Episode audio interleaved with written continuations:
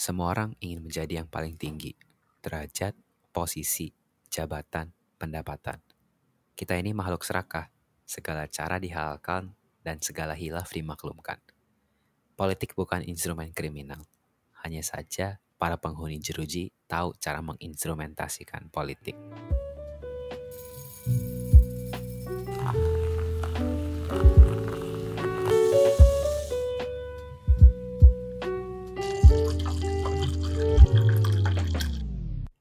Episode 11 asik. Balik lagi nih, zona inspirasi episode 11 dengan judul Bibit Politik. Ah, nih. Mhm. Ger masih bareng kita nih Ger nih. Kemarin episode 10 kita ngundang nggak tahu salah apa enggak sih kita ngundang Pandu. Ya oke lah, kita belajar lumayan belajar dari seorang Pandu Wisesa. Tapi Mhm. itu menurut gua adalah episode pertama yang agak kritis dan kontroversi, Ger. Dan mungkin, mungkin menurut gua alangkah baiknya kita lanjutkan kontroversi tersebut ke episode 11 nih. Jadi kenapa kita namakan bibit politik? Apa ya? Buka Wikipedia dulu deh. Politik. Hmm. Pembentukan dan pembagian kekuasaan dalam masyarakat. Hari ini kita ngomongin itu, Gar. Kita ngomongin lu sadar kan di organisasi-organisasi stereotype orang-orang yang naik ke atas kayak apa? Orang yang di atas tuh hampir apa ya? Banyak lah pokoknya ketua-tua organisasi ya ada traits that they have which are common dan itu yang kita akan bahas gitu. How do you become leader? Eh, tipe-tipe orang dengan apa ya? ke atas dengan cara mereka masing-masing gitu. Ada yang salah, ada yang benar, ada yang gray area, ada yang gelap. Gitu deh. Pasti lu merasakan gar. Kan lu anak organisasi nih sekarang nih. Gimana gimana? Yeah, of Ketua tua course. sekarang. Bolehlah kita kulik lah. Eh, mungkin let's talk about the motivation kali ya pertama ya. Kenapa orang ingin jadi a leader? Menurut lo kenapa cu? Kenapa orang jadi leader? Gue pengen, tapi kok kayaknya gue gak pernah dapet presiden kalah mulu. Ya udah, anyway. Kenapa? Mungkin secara politik lu bakal jawab itu panggilan hati. Lu pernah kan? Simple, simple, simple aja. Lu di SMA, lu grup bertiga. Kalau dua orang lainnya kerjanya agak empot-empotan gitu kan, lu pasti ada dong panggilan hati kayak panggilan hati kepada Gary. Ger, kerjanya makin bener dong Ger. Ayo lu mimpin nih semua Ger, lu pasti bisa. Pasti ada kayak gitu kan. Nah itu yang sering terjadi ke orang-orang dan termasuk gue gitu kayak ada acara angkatan tapi belum ada yang mau maju. Hmm, apakah ini kesempatan saya? Hmm, nah itu dia itu panggilan hati yang sering membuat gue maju ke dalam suatu posisi sih. Emang lu lu maju ke AMSA apalagi Stukasa. Eh Stukasa bener eh Stukasa apa ya? Stukasa mah judul film bukan siapa judul lagu gitu. Iya. Eh, Stunika. Stunika, Stunika Stukasa. Eh Stukasa band. Oh, oh, Stukasa band asal banget. Oke, uh, my take. I think menurut gue selain kesempatan gimana ya? Out, gue percaya kayak kesempatan lo untuk belajar di organisasi itu uh, kesempatan buat belajar sebanyak-banyak itu nggak harus menjadi pemimpin utama sih menurut gue dengan menjadi uh, anggota yang dengan penuh inisiatif kayak you can learn just as much as the leader does. Although ya dengan menjadi leader emang akan mengekspos lu ke lebih banyak kesempatan. That's for sure. Uh, but for me personally, if I'm someday stepping up untuk menjadi pemimpin suatu organisasi, I would say itu karena mungkin goals gue adalah sesuatu yang align bener-bener dengan goals of that organization. Maybe cliche, maybe maybe relatable, I don't know. That's for you to decide. Tapi uh, for me itu yang akan gue bener-bener pertimbangkan if I'm going to lead something sih. BTW ini kita bakal ngomongin apa ya politik-politik di dunia SMA dan perkuliahan yang pernah kita rasakan dan akan kita rasakan ya. Dan mungkin ini bakal menyinggung sedikit tentang dunia politik asli yang kesannya banyak hal-hal buruk di belakangnya. Jadi kenapa ini kontroversial semoga omongan kita masih dalam vicinity of safe lah. Mohon maaf jika ada yang tersinggung karena kita akan menyinggung. Mohon maaf, ini cuman mahasiswa kedokteran, mahasiswa teknik ya. Kepada Pandu, kita minta maaf Pandu kalau kita banyak salahnya di episode ini. Oke, let's start. Gimana? Menurut lu, ketua-ketua di organisasi itu mirip-mirip menurut gua. Nih, ini sama kan relate nih ke dunia politik asli. Di London deh, di organisasi yang gua ini. Either lu harus menjago, harus jago mencitrakan diri lu dengan cara lu ngomong, cara lu mempublikasikan diri. Tapi gua rasa itu tuh nggak cukup cuy. Harus ada the factor yang bikin lu faktor X yang bikin lu beda dari yang lain, bikin lu unggul dari yang lain. Dan gua rasa untuk menjadi pemimpin eh ada dua. Lu tau kan yang kayak lu pemimpin yang di love everyone or being feared by everyone. Ya kan lu pasti pernah, pernah denger itu gitu. Iya, tahu. Ah, ternyata ada dua-duanya.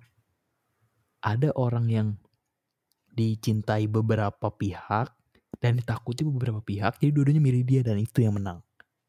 Stereotipnya gitu Oke. biasanya. Jadi the perfect balance gitu. The perfect balance. Gimana lu merasakan itu nggak sejauh ini? Apakah organisasi yang pernah lu ikutin ketuanya selalu apa berpihak kepada love and caring atau kayak mereka justru orang-orang yang kayak fierce yang orang-orang takut dan segani gitu. This is interesting. I think I think kita bisa cerita banyak hari ini karena uh, barusan ini tuh ada pemilihan uh, buat suatu organisasi yang gue ikutin dan mereka uh, to my surprise initially gue menganggap ini aneh Uh, karena uh, menurut gue yang namanya pemilihan or, apa pemimpin pasti dengan voting kan. Hmm.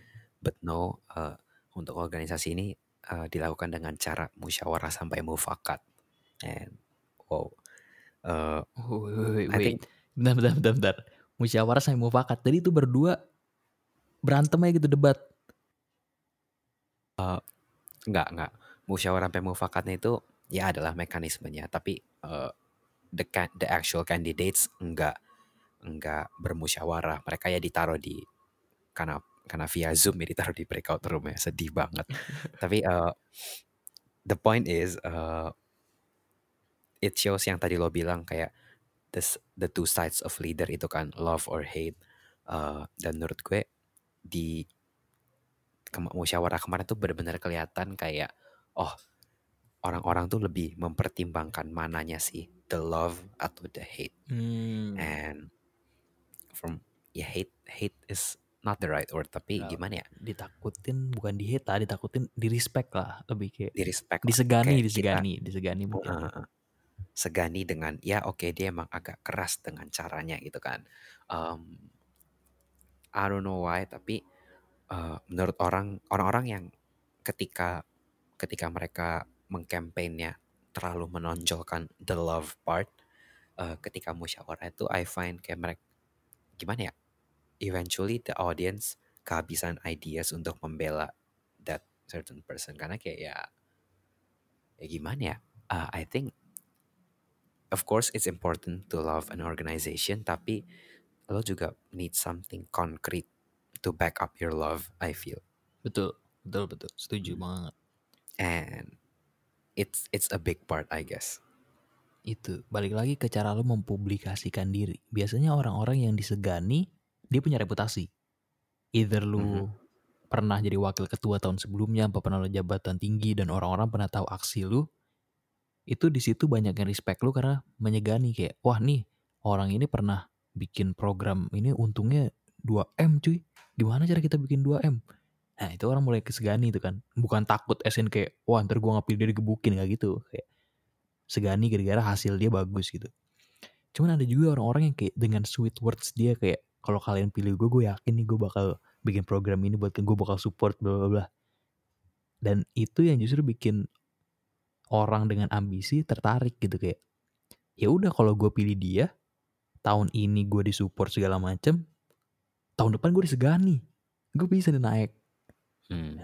menurut gue itu dan pertanyaan selanjutnya muncul is leadership born in your DNA atau itu something that you can work on nah ini yang agak sulit dijawab nih ini stepping up dari love and hate. Mungkin gua dulu kali ya. Mhm. Is it in your DNA? Mungkin, mungkin ada orang yang, tapi gua eh gimana ya? Mungkin ada orang yang emang lahir dari keluarga ijib pemimpin semua. Dan mereka makin ditempa gara-gara mereka ngeliat bokapnya atau nyokapnya mimpin sebuah organisasi. Jadi mereka masih kecil udah kayak ngeliat bokap nyokapnya make decisions terus mereka start small dari ketua kelas segala macam akhirnya mereka juga jadi a leader one day. Oke, boleh itu dari dari internally gitu. Tapi I also believe it can be something that you can work on. How? Gua dulu di sebuah organisasi mulai dari member. Selalu gue mulai dari member, dari yang paling bawah. Dan gue work on that dengan cara gue mencari mentor yang tepat. Ini kita pernah ngomongin ya sama Faiz nih. Dengan cara lu nyari mentor yang tepat, dia bakal ngasih lu pelajaran buat lu mencapai ke atas sana gitu. Kalau lu dulu belum pernah ngambil kesempatan buat yang tinggi-tinggi langsung, biasanya orang yang ngambil DNA itu baru nyemplung udah jadi head. Dia nggak mau jadi vice atau jadi member, dia pokoknya nggak mau tahu nyemplung jadi head. Tapi orang-orang yang buat dari nol, ini justru orang-orang yang benar-benar understand all the situation gitu. Gara-gara dia pernah jadi member, dia tahu rasanya susahnya jadi member, jadi pas di atas sana dia bakal peduli sama nih member yang kerja keras, nggak cuma peduli dengan the outcome. Jadi menurut gue itu sih, gue sendiri condong ke leadership is something that you can work on daripada yang lu terlahir dengan leadership. Of course. I think mungkin kayak 80% orang akan agree dengan itu. Uh, but, tadi kan lo bilang nih tentang DNA as in keturunan Hmm. yang kayak oh bapaknya penjabat, anaknya penjabat gitu kan. Yoi. Let's I wanna I wanna think about I want I wanna know your opinion on actual DNA yang kayak uh, physical physical traits of seseorang yang mensupport mereka untuk menjadi pemimpin. Misalnya kayak apa ya? A tall, tall stature mungkin tinggi atau karismatik gitu ya. Hmm. Uh, a good voice, uh, a tall build, and atau apa pun lah yang orang dari- gambar sebagai Dari tahun lu kayak lu mau main fisik nih. Mau ngomongin fisik sekarang nggak? Karena gue punya sebuah yang menarik adalah dulu di pemilihan ketua OSIS biasanya nih biasanya kalau kita nggak kenal kita milihnya yang paling cakep cuy ya nggak? Lu pernah nggak Oke. dulu merasakan lu kelas 7 kelas 1 SMP lu nggak kenal siapa siapa lu suruh milih di antara tiga orang ya lu pilih yang paling cakep karena biar dia speech lu lihat. Of ya kan? course. uh, ini cakep bukan berarti cewek ya ini mungkin cowoknya ganteng dan lu kayak daripada gue lihat yang lain busuk kan di assembly uh, ya mendingan gue lihat yang ganteng gitu. Yeah, Pokoknya yang- kayak- rupanya baik ya kan? Mhm. I think itu pemikiran ya pemikiran SMP mau diapakan gitu ya. Belum cukup mature lah. tapi But pas would stepping up Huh? penting cuy penting di London dulu yang kepilih juga gara-gara ganteng gimana dong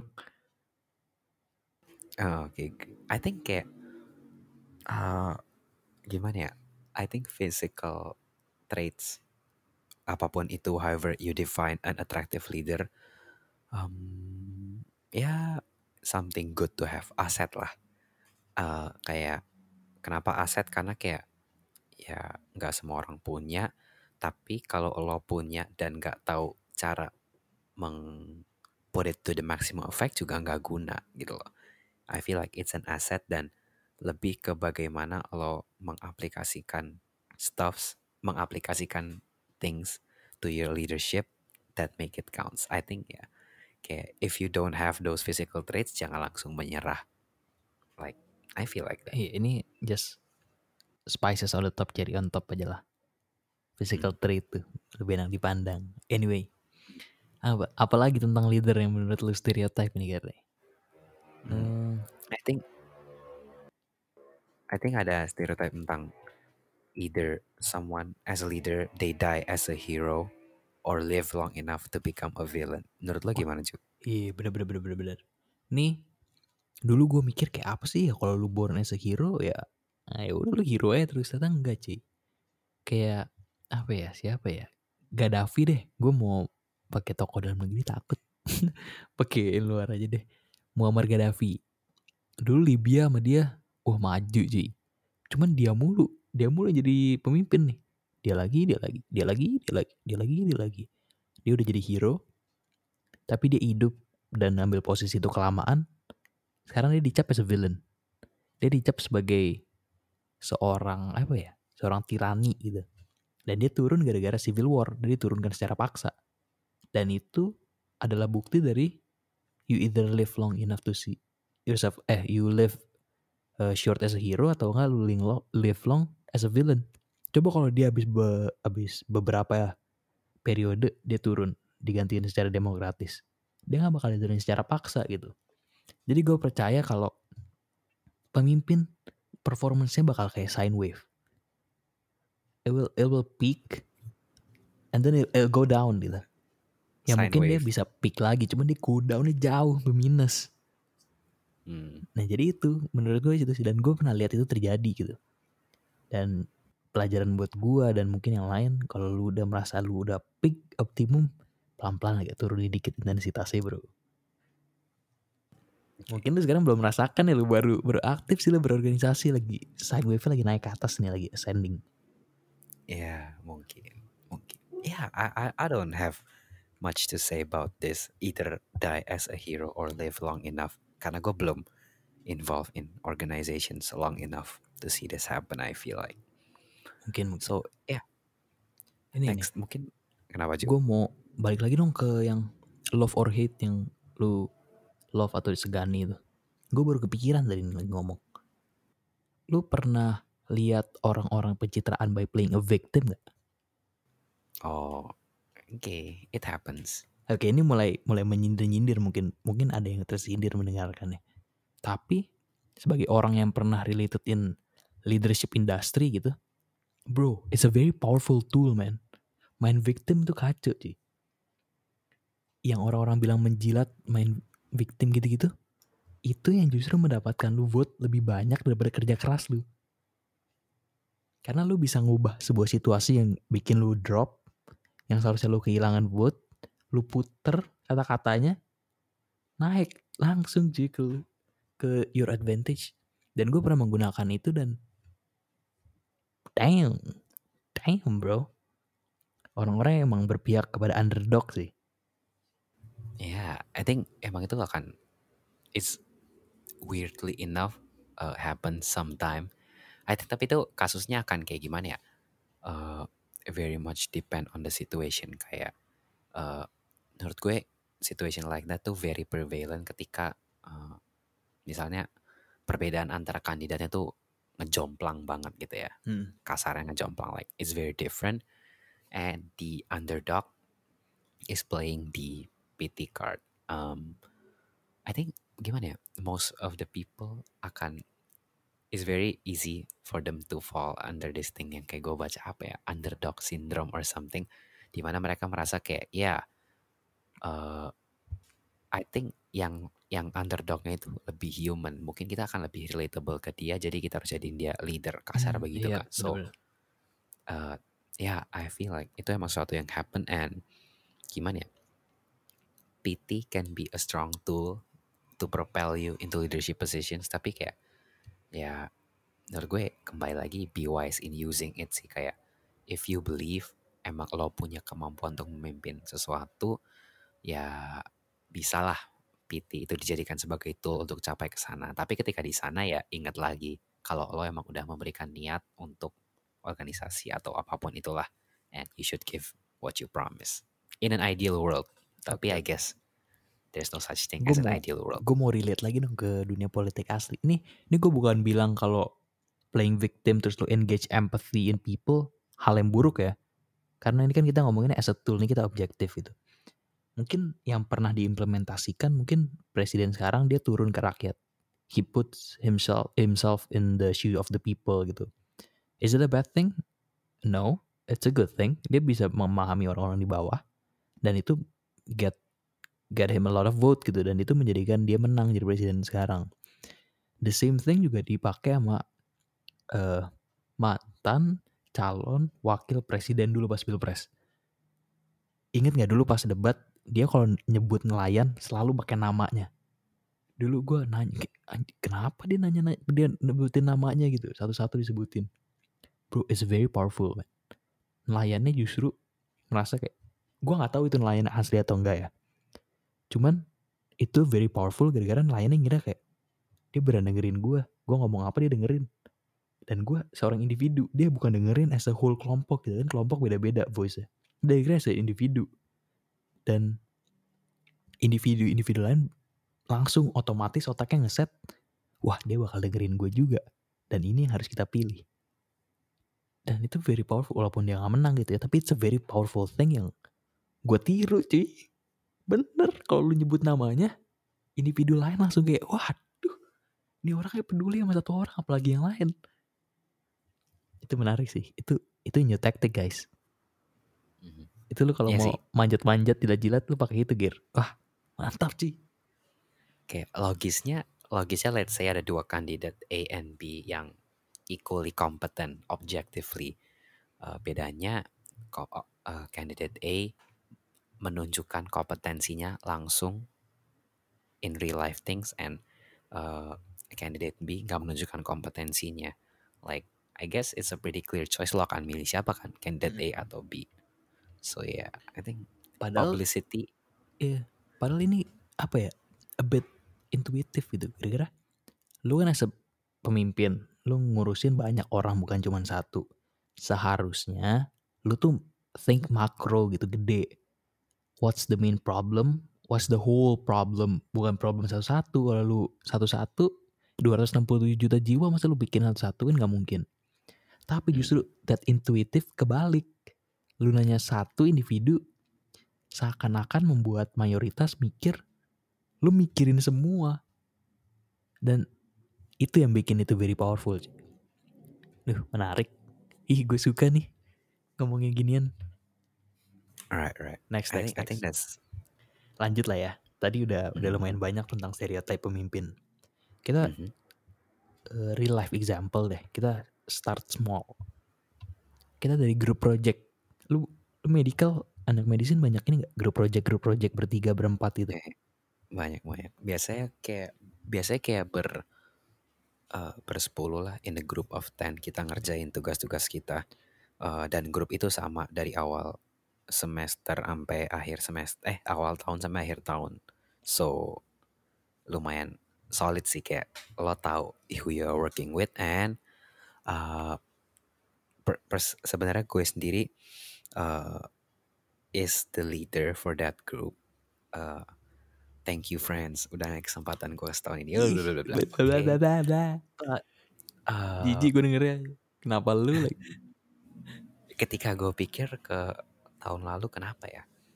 Uh, I think the setting was kayak gini. Uh, itu the first time grupnya belajar in a, dengan dosen terus dosennya nanya kayak, oke siapa yang mau memimpin dan gue entah kenapa uh, mikir kayak, hey this is a great place for me to start. This is a great place for me. Uh, karena gue berpikir oke university clean start. Kalau misal dulu gue SMA uh, belum berani memimpin, mungkin ini sekarang waktunya gue bisa nyoba gitu kan. So I thought to myself gitu like, yeah I'll try. And yeah, then I I wouldn't say I fit in with the stereotypical leader yang kayak jago ngomong atau apa pun, tapi ya I gave it a shot anyway gitu. loh. Nah, kita analyze pertama-tama.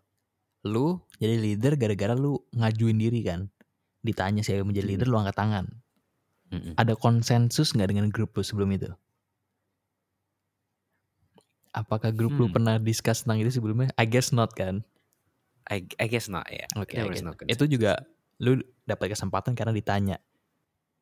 Ya mungkin oke lah, tapi that's not the stereotypical kan. Oke, fair, fair. Biasanya stereotype adalah grupnya baru dibuat nih. Pasti ada satu yang nonjol. Kayak ada, kalau nggak satu ada beberapa lah. Dan itu adalah kandidat kuat siapa yang bakal mimpin grupnya. Contoh dulu di SMA, gue hampir kalau cuma berempat gitu hampir gue yang gue yang ngatur lah. Kenapa? Karena gue yang ngomong dan I know what to do gitu. Jadi gue kayak bisa delegate people to do it. Tapi when it comes to uni sekarang, gue hampir always be the orang yang kerja jadi kulinya grup. Dulu gue cuma nyuruh-nyuruh delegate, sekarang gue jadi yang nyuruh, yang disuruh gitu. right hand man ya. Kenapa? Gue mikir-mikir lagi. Sekarang di university ilmu gue gak kayak dulu Ci. Dulu orang respect gue karena nilai gue bagus. Di university ada lagi yang lebih pintar daripada gue. Ada lagi yang jauh lebih jago ngomong daripada gue. Jadi lu ketutup sama yang di atas nih. Gue under his shadow. Sekarang kalau bikin grup berempat, gue hampir grupnya sama sih ya setahun. Jadi gue datang kedua nih. Terus Mhm. sempet ganti grup, a bigger group, dan di situ nggak ada nggak ada si orang yang di atas gue. Di situ kesempatan gue buat maju, buat make. Kenapa dia bisa ngalahin gue? Buat gue maju di atas yang lainnya. Jadi ini orang emang upi banget sih itu. Kacau anjir orang British itu tuh. Upi banget sih. Ngomongnya jago banget asli. Anyway. Jadi yang take responsibility itu harus jago ngomong. Biasanya nih ya, biasanya. Jago ngomong and have sufficient knowledge. Kalau lu gak punya sufficient knowledge, lu maju sesat di jalan. Sesat di jalan asli. Itu sih, itu simple gitu ya. Jadi expect kalau ke organisasi yang besar, pemimpinnya juga harus sufficient knowledge juga bukan yang kayak kosong di atas gitu. Kelompok. Oke, ya I agree kayak eh, emang pasti orang-orang yang memiliki certain stereotypical traits associated with being a leader akan most of the time uh, get the position.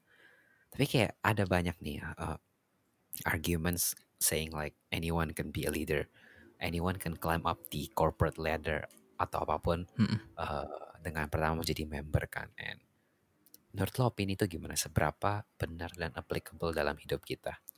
Sebenarnya semua orang bisa, gue percaya semua orang bisa. Tapi kembali lagi ke kemauan lu, apakah lu pengen jadi leader? Gaya leader tuh bukan kayak asal angkat tangan aja kalau ditanya siapa yang mau jadi leader gitu lo harus ngebuktiin with actions. Dan kalau lu cuma 3-4 orang, oke lah. Lu lu just have to be better than 3-4 person for people gitu kan. It's not a hard thing to do. Lu tinggal step up. Oke. Tapi when it comes to bigger organization, let's say uh, 300 orang gitu. 300 orang. Apakah lu harus lebih baik dari 259 lainnya? Susah nih sekarang. Apakah ilmu lu lebih tinggi daripada 259 lainnya? Susah, enggak juga kan. Apalagi kalau lu mimpin orang-orang yang di atas lu yang lebih senior. Jelas ilmu lu kalah. Terus lu gimana step up-nya? Kalau udah gede sekarang organisasinya. Eh di sini banyak sih pilihan politiknya. Kenapa kita bilang bibit politik? Gara-gara buat lu jadi leader sana, the process ini, the ladder yang lu bilang, that's what you call politik gitu. Bermain politiknya di situ.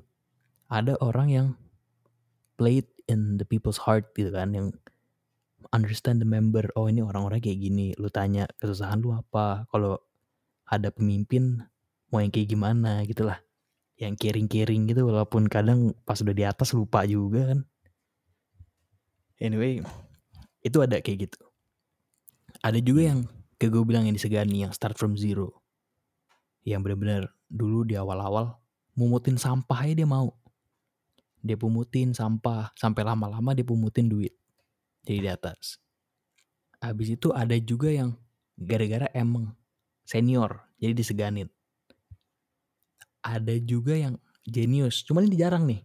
Biasanya yang banyak ilmunya justru jadi the right hand man, advisor. Yang paling sering ya itu either lu great respect karena lu mulai dari nol atau enggak you have the love of other people. Sekarang pertanyaannya adalah how do you step up to be a leader? Lu udah punya nih, let's say lu udah punya traitnya. Orang-orang udah suka sama lu. Atau enggak lu udah mulai dari nol, udah naik pelan-pelan. Terus nyampe di atasnya gimana? Lu perlu either luck or opportunity menurut gua. Luck itu salah satu kenapa gua eh dan opportunity opportunity sebenarnya sih. Gara-gara nggak ada orang lain yang mau maju, akhirnya gue bisa maju. Atau gara-gara opportunity lain yang kayak apa ya? hmm, lu ditawarkan oleh pemimpin sebelumnya. Itu tuh harus ada. Kalau lu nggak ada dua itu, lu nggak bakal bisa naik ke atas. Okay, that's fair. Um, I agree with the idea kalau misalnya stepping up ke kepemimpinan tuh butuh dua-duanya luck and opportunity and opportunity itu something yang we can create not luck gitu kan Yo, I feel yo, yo, yo. so uh, you can angkat the bar for opportunity as high as you can tapi for luck ya you just never know itu akan setinggi apa Hmm. and maximizing opportunity I guess uh, I would say tadi ya the stereotypical approach to leadership yang bilang ya lo be a good member dulu show your uh, tunjukkan kemampuan lo and your worth itu ya I feel like that's the gimana ya the the most appropriate and the most common way of people climbing up into leadership at least ya di lingkungan kita di lingkungan organisasi student atau mahasiswa ya. Kalau we're talking about world politics angkat tangan. Iya, angkat tangan mungkin itu ya. berbeda. That's a different dis- a different ne- nest I feel like. So tapi ya gitu lah sih dengan dan apalagi dengan yang kemarin ada musyawarah sampai mufakat without any voting ya itu kelihatan banget that okay your innovation and your mission and vision for this organization itu penting. Tapi yang gak kalah penting atau bahkan lebih penting itulah track record lo Wah, iya itu dia lo- tuh. selama lo jalan ke kepemimpinan ini track record lu selama lo jadi anak-anak paling bawah tuh kayak gimana track itu record dia, lu so itu dia. Hmm, all the small things that you do make count it it counts ya. analoginya analoginya ya, uh, that I got from a book like imagine leadership as drawing drawing a line tapi pakai kapur kayak like if you see uh, a good solid line pakai kapur itu kan ya kalau dari jauh kelihatannya akan uh, garis aja kan tapi kalau Hmm. lo lihat dari jarak dekat kan akan kelihatan tuh kalau uh, kapur tuh jadi kayak titik-titik-titik gitu kan Yoi, jadi yoi. the analogy was that kalau lo complete titik-titik lo melakukan dengan benar ya nanti lo akan punya a solid line atau a solid track record to back to back up your uh, leadership tapi kalau lo nggak benar selama sebelum-sebelumnya hilang-hilangan asalnya uh, dotnya nggak ada gitu kan Uh, dari kapur lo itu jadi ya ya udah your line itu not as solid atau not as strong as the one yang did yang really really uh, gave his atau her, her time uh, to his or her work sebelum jadi leader so I feel like yeah it's a very true Ada other side of the coin cuy, selain track record. Personal life, ini yang gue sangat gak setuju. Personal life as a leader tuh dilihat banget. Coba lihat deh ketua-ketua gitu. Kalau dia jaga image-nya bagus, IG-nya pasti dibuka. Cuma kalau dia main aman, IG-nya di di private. Dulu gue gitu. Gue takut eh private side gue yang not perfect bakal jadi bumerang buat gue. Contoh, di real politik asli, say lu jadi DPR gitu. Lu masuk Hmm. ke salah satu lembaga pemerintah. Nggak sengaja ada orang nge-tag lu dengan lu yang kurang appropriate. Let's say either lu ngerokok atau lu ngacungan jari tengah gitu. Kan itu not appropriate. Tapi itu yang sering orang-orang eh lugu teenager kayak kita lakukan kan. Bayangkan itu keluar di media sosial. Is it related to your work? No, it's not. Tapi Uh-uh. dengan lu portray diri lu kayak gitu, orang ngira lu nggak kompeten. Sebenarnya gue nggak agak nggak suka gitu. Gara-gara apakah lu nggak boleh acungin jari tengah kalau lu salah satu pemerintah atau lu di posisi yang tinggi? Kan suka-suka gue ya, jari-jari gue ya. Kalau lu mau Iya. ngerokok apa minum ya kan itu sok lah itu hak lu bukan masalah gue kan. Kalau misalnya lu gitu jadi lebih tinggi dah lu jadi presiden terus lu ngerokok apakah 200 orang bakal mati enggak kan lu kan yang kena paru-parunya juga Mhm. yes sir ya gua nggak tahu kenapa private life justru lebih kuat daripada track record lu gitu oke lah lu bakal dijudge dari personal life lu juga gitu cuman enggak lah lu mau jadi presiden terus lu jomblo ya bukan masalah ya nggak Hmm. apa-apa mungkin emang cewek lu pengen perhatian aja Hmm. Jadi- Okay, I think I think I think like oh in an ideal world akan sangat bagus kalau uh, kedua kandidat untuk suatu leadership selalu di compare apple to apple but Mhm. I guess kayak gimana ya most of the time people yang maju actually ending up uh, maju atau ya mencalonkan diri itu kayak are usually of the same level most of the time. Kayak apple to apple mereka pretty equal track record. Biasanya eh I mean biasanya mereka apple to apple akan sangat mirip dan makanya any difference any subtle differences in track record even in personal life itu akan jadi alat untuk ya gimana ya akan menjadi alat yang bisa memenangkan atau mengalahkan lo gitu I feel Betul. like because because both candidate are performing at the same high level Yuk. I feel like Eh, that's yang the answer musyawarah mufakat lu berapa kandidat? dua dua Dua ya. Nah ini menarik dengan dua kandidat. Nggak tahu sih kalau tiga atau empat biasanya kan dua. ya. Dari pak. Jadi let's say lu lagi kampanye gitu. Biasanya orang kampanye tuh buat menaikkan harkat diri lu kan. Buat orang-orang kira kayak oh lu pilihan yang lebih tepat. Tapi dalam politik biasanya kebalikannya. Lu nggak peduli dengan posisi lu, pokoknya lawan lu harus kalah. Jadi aimnya bukan lu menang, tapi lawan lu kalah. Artinya adalah lu bukannya naikin harkat derajat diri lu, tapi lu malah nurunin harkat derajat diri orang lain. Mhm. Let's say lu sama gua gitu biar kita eh, head to head jadi gubernur salah satu kota di Zimbabwe. Mhm. Terus- Zimbabwe right Gua bukan gua bu gua kalau mau ngalahin lu, gua bukan ngeluarin track record juga. Gua pernah ini, nilai gua ini.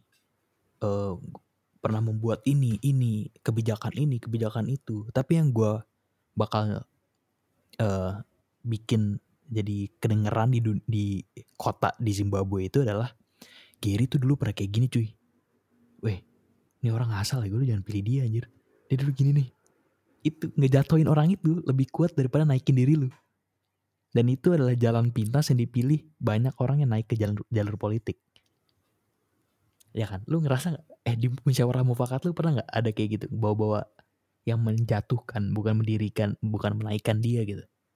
Oh, Malah of- menjatuhkan ada. orang lain.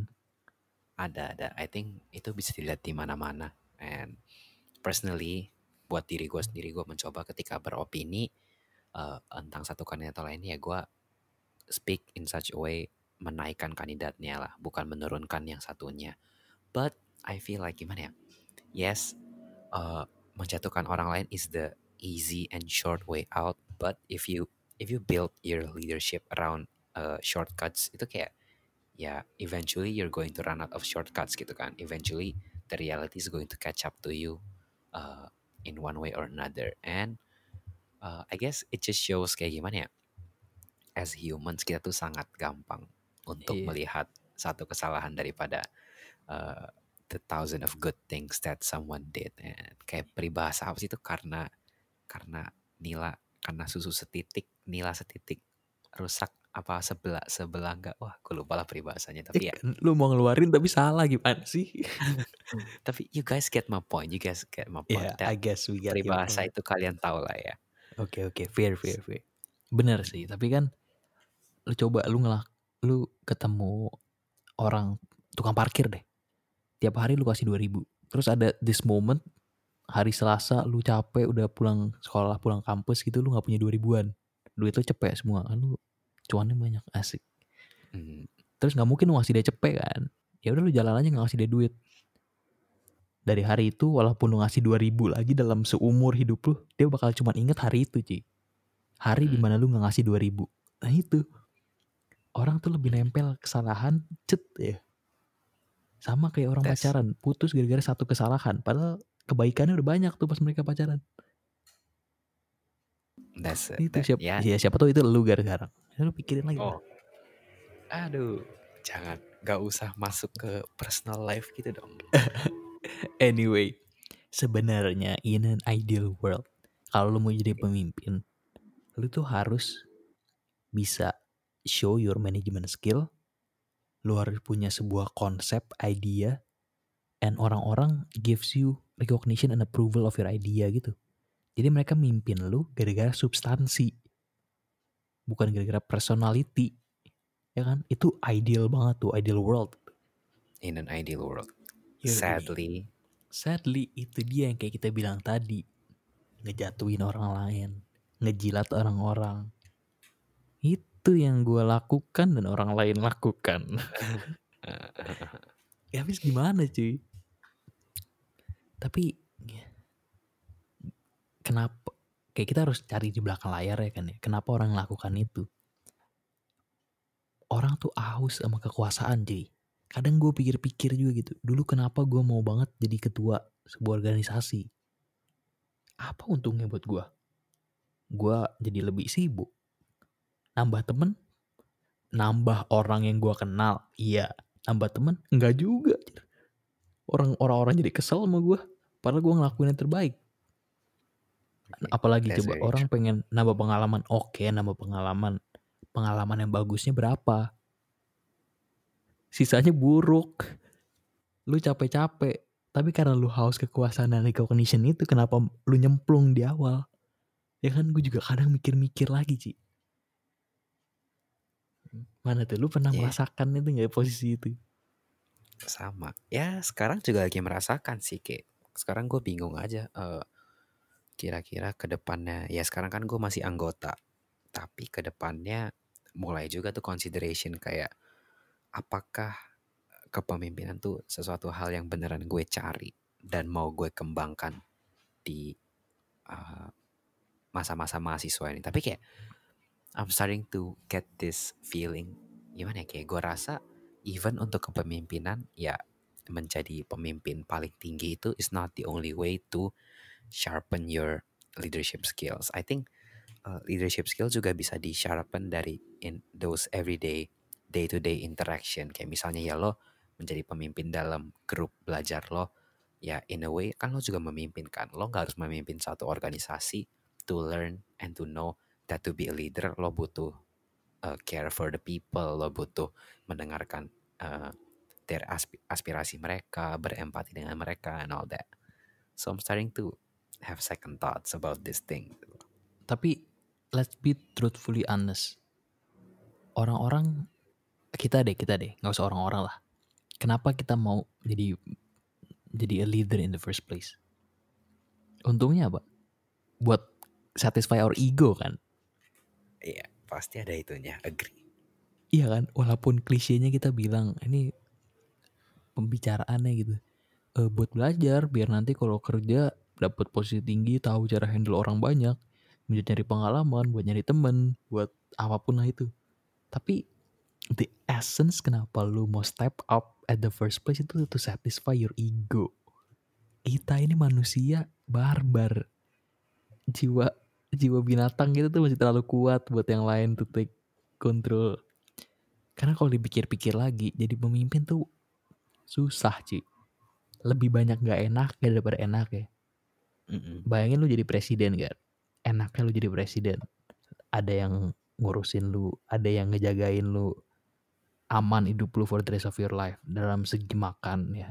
Eh, apa sandang papan. Apa Sandang pangan papan. sandang pangan papan. Aman. Tapi apakah kejiwaan lu aman? Nah, heeh. Shinzo Abe sekarang baru turun gara-gara masalah kesehatan. Sepa- kayak emang stresnya itu bikin lu sakit tuh jadi jadi pemimpin. Dan itu semua demi satisfy your ego. Mm-mm. tapi emang kalau egonya satisfied tuh best feeling in the world bro ya tadi yang lo bilang mencari pengalaman, I guess they are all valid, Valid. reasons. valid betul But let's not let's not let's not cover our eyes and and not address the elephant in the room kalau pasti ego itu berperan juga ketika kita mau jadi leader gitu kan ya. Yo, ini kalau yang dengerin lagi senyum-senyum cengar-cengir merasa lu bersalah, enggak kalau lu nggak bersalah. Kita semua juga gitu. Santai aja. Ya, Ini emang the truth behind it aja. Anyway, ini kita harus ngomongin lagi how what to expect as a leader, how to win competition with other leaders, how to remain a leader. Bosen ah. Gue yang nulis skrip, gue yang malas sendiri ngomongnya. Gue mau ngomong ini, abis lu jadi leader. Ini gue nggak nulis di skrip nih, gue baru kepikiran sekarang. Post power syndrome. Gue pernah ngerasain. apa tuh? Apa tuh? Jelasin dong. dulu nih jadi ceritanya dulu gue banyak ngehandle organisasi at the same time gitu kan dalam posisi jabatan yang lumayan lah lumayan sibuk gue setiap hari pagi meeting sekolah eh, jeda 40 menit meeting meeting ketemu orang ketemu orang ketemu orang kayak gue dedicate my life semuanya buat tuh organisasi situ. Sibuk banget. Terus pas sudah selesai ego gue satisfied sehari dua hari. Terus apa? Gue biasa bangun jam 4 pagi demi meeting. Gue jam 4 pagi ngapain? Gue jeda recess lunch itu biasanya meeting. Sekarang gue ngapain? Pulang sekolah biasanya gue sampai malam di sekolah. Sekarang ngapain lain gue biasanya cetang cetung cetung sekarang nggak ada. Wih. Uh, uh, uh. terus gue ngapain hidup gue buat apa sekarang? Rasanya tuh hari tuh lama banget. Dulu tuh kerjanya meeting selesai 40 menit. Oke tanda tangan cabut ganti. Ganti. Ganti. Ketemu orang ketemu orang. Sekarang nggak ketemu orang nggak ketemu apa apa stres sih jadinya. Justru Hmm. lebih stres setelah lu kebiasaan sibuk terus lu nggak punya apa-apa itu post power syndrome dan lu jatuh sakit bro. Sakit gue tiga hari. Badan gue panas. Hmm. sampai orang bilang ke gue lu po- post power syndrome. Gue bilang kayak apaan sih? Gue nggak tahu ya post power syndrome beneran medical apa enggak I, kayaknya I'll, main- I'll have to I'll have to Google that up. kayaknya mindset doang sih. Tapi beneran anjir. Asli gue sakit. Hmm. wah gue bingung banget. Biasanya seharusnya gue stresnya pas gue ngurusin cuman kayaknya gara-gara ego gue satisfied gitu ya gue nggak sakit gue makin makin semangat asam lambung gue wah itu tinggi banget dulu pas ngurusin segala macam stres tapi gara-gara egonya satisfied asam lambungnya nggak bikin gue sakit Hmm. pas udah selesai rip Hmm. Kembali ke kehidupan normal gitu ya. yoi, kembali ke kehidupan normal ah lu belum merasakan sih ya Gare Belum, belum. ini buat teman-teman yang ini sih mungkin lu nanti lah kalau lu udah kan lu lagi sibuk banget nih organisasi siapa tahu Maybe. nanti adalah momen di mana jeda gitu ya Mungkin. Uh-uh. wah Ya. kacau sih post power syndrome beneran sih Post power syndrome. Oke, it's something yang I hope gua nggak akan pernah ngerasain tapi gue juga penasaran. Apa ini post power syndrome? Iya, lu sekarang sibuk kan banyak banyak meeting meeting gitu. Ini mau nge-record aja ini susah nih bapak Giri sibuk sih belakangan ini. Mm-mm. nanti lu merasakan lah. Tapi setelah nggak tahu sih mungkin nih beranjak dari post power syndrome karena lu pernah merasakan apa hidup lu bener-bener oh, preoccupied. Kita kan pernah ngomong sama Aksa nih. Aksa Mhm. tidurnya jarang kan? Dulu gue gitu sejarang itu tidur. Tapi gara-gara lu pernah eh, hidup di zaman itu tuh zaman. Gile dikira zaman batu. Di zaman itu kerjaan sekarang jadi gampang banget. Organisasi gue sekarang nggak ada nggak ada apa-apanya gitu. Dulu kayaknya susah banget. Sekarang kalau organisasi cuma satu dua ya kayak handle nya gampang banget deh. Hmm. jadi pelajaran banget. Cuman ya itu sih bisa jadi sumber stres juga orang-orang yang bisa sibuk terus enggak lu lihat ini deh lu perhatiin pas lu google perhatiin orang-orang pensiun biasanya yang CEO gitu-gitu habis pensiun stres sih Hmm. makanya istrinya lima Oke. biar tetap That's sibuk to put it. That's one way to put it. I guess yang lo compare kayak the long term benefits gitu kan ya. The Iya. long term benefits uh, of having that mindset to always tek tek tek kayak "Oh, apalagi apalagi Mm-mm. ngerjain apalagi apalagi. Uh, ya you're comparing the long term benefit if you think that's a benefit against the short term uh, apa short term kesusahan short termnya. Misalnya kayak ya sibuk-sibuk. And I guess at the end it comes down to you sih. Kayak ya lo mau nggak go through kesusahan itu untuk develop that benefit? I Asli. feel like.